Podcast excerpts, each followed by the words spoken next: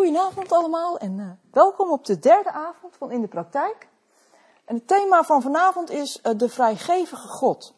En ik wil graag beginnen met een verhaal van Jezus, dat volgens mij niet zo heel erg bekend is, maar dat ons heel veel leert over het vrijgevige karakter van God.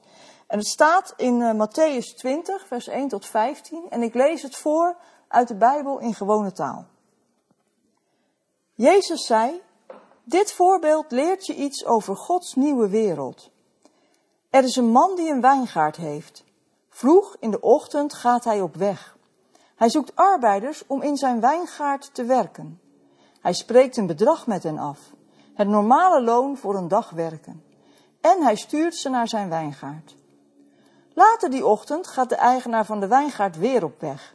Hij ziet mannen op straat die nog geen werk hebben. Hij zegt tegen hen: Ga maar in mijn wijngaard werken. Ik zal jullie een eerlijk loon geven. De mannen gaan aan het werk.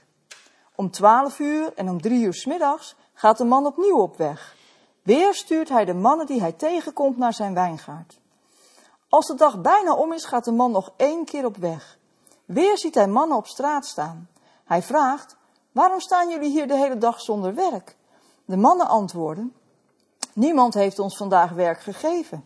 Dan zegt de man: Ga maar in mijn wijngaard werken.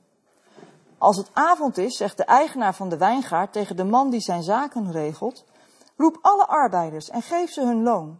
Betaal eerst de mannen die het laatst gekomen zijn, en als laatste de mannen die het eerst kwamen. De mannen die maar kort gewerkt hebben, zijn dus het eerst aan de beurt. Zij krijgen het normale loon voor een dag werken. De mannen die de hele dag gewerkt hebben, zijn het laatst aan de beurt. Zij denken, wij zullen dan wel meer krijgen. Maar ook zij krijgen het normale loon voor een dag werken. Met het geld in hun hand komen ze bij de eigenaar van de wijngaard. Ze zeggen, het is niet eerlijk. Die anderen hebben maar één uur gewerkt. Wij hebben de hele dag hard gewerkt in de hete zon. En nu krijgen zij evenveel als wij.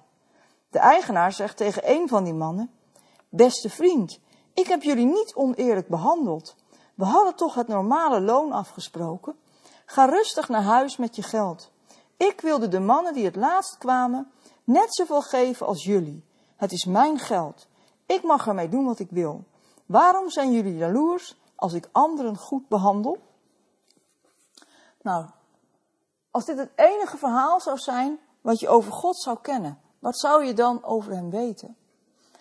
Dan zou je over hem weten dat God een vrijgevige God is.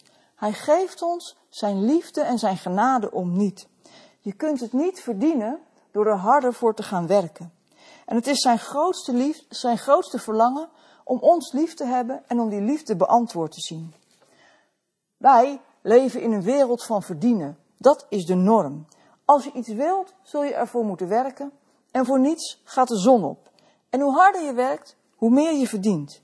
Maar in Gods wereld is dat niet zo.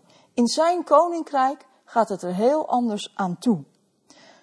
De liefde van God kun je niet verdienen en je kunt hem niet verspelen. God houdt van ons. Of we nou ons hele leven christen zijn, zoals die mensen die de hele dag in de wijngaard gewerkt hebben, of dat we ons pas kort voor ons overlijden bekeren of heel laat in ons leven, zoals die mensen die maar een uurtje gewerkt hebben. Hij geeft ons allemaal evenveel liefde en genade. En als je tot je door laat dringen hoe vrijgevig God is, dan komen heel veel dingen in een ander licht te staan. Een voorbeeld daarvan is bijvoorbeeld de definitie van zonde. Wij omschrijven zonde heel vaak als je niet aan de wet houden, de regels overtreden. Maar dan kom je toch weer terecht in dat schema van verdienen en verliezen. Alsof je door de regels te overtreden de liefde van God zou kunnen verspelen. Een paar jaar geleden las ik een definitie over zonde die me heel erg raakte. Zonde is niet zozeer het overtreden van een wet of een gebod. Het is veel meer een gebrek aan dankbaarheid. Als we diep in ons hart werkelijk zouden beseffen wat God voor ons doet, hoe zouden we dan nog kunnen zondigen? We zouden veel te dankbaar zijn om te zondigen. Wij vinden het vaak heel moeilijk om echt te beseffen wat God voor ons doet. We vallen heel snel terug in dat schema van verdienen en verliezen. Maar het belangrijkste dat we in ons leven kunnen leren is dat God onvoorwaardelijk van ons houdt. Dat Hij vrijgevig is met zijn liefde en zijn genade. En waarom is dat zo belangrijk? Nou, de Bijbelleraar A.W. Tozer, een Amerikaanse Bijbelleraar, die zei eens: Wat in onze gedachten opkomt wanneer we aan God denken, is het meest belangrijke in ons leven. Als we in staat zouden zijn om van elk mens het antwoord op de vraag: wat komt er bij je op als je aan God denkt, te kennen, dan zouden we met zekerheid de geestelijke toekomst van die mens kunnen voorspellen. En dat is een behoorlijk stevige uitspraak, maar er zit veel waars in. Want hoe je over God denkt, bepaalt hoe je je relatie met Hem vormgeeft. Want als we aan God denken als hardvochtig en streng en veel eisend, dan zullen we Hem op een afstand houden.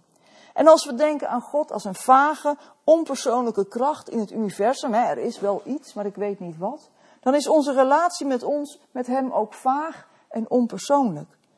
Maar als we God leren kennen, de God leren kennen die Jezus ons is komen laten zien, de God die onvoorwaardelijk van ons houdt, de God die vrijgevig is met zijn liefde en zijn genade, dan willen we niets anders dan deze God leren kennen en Hem betrekken in ons leven.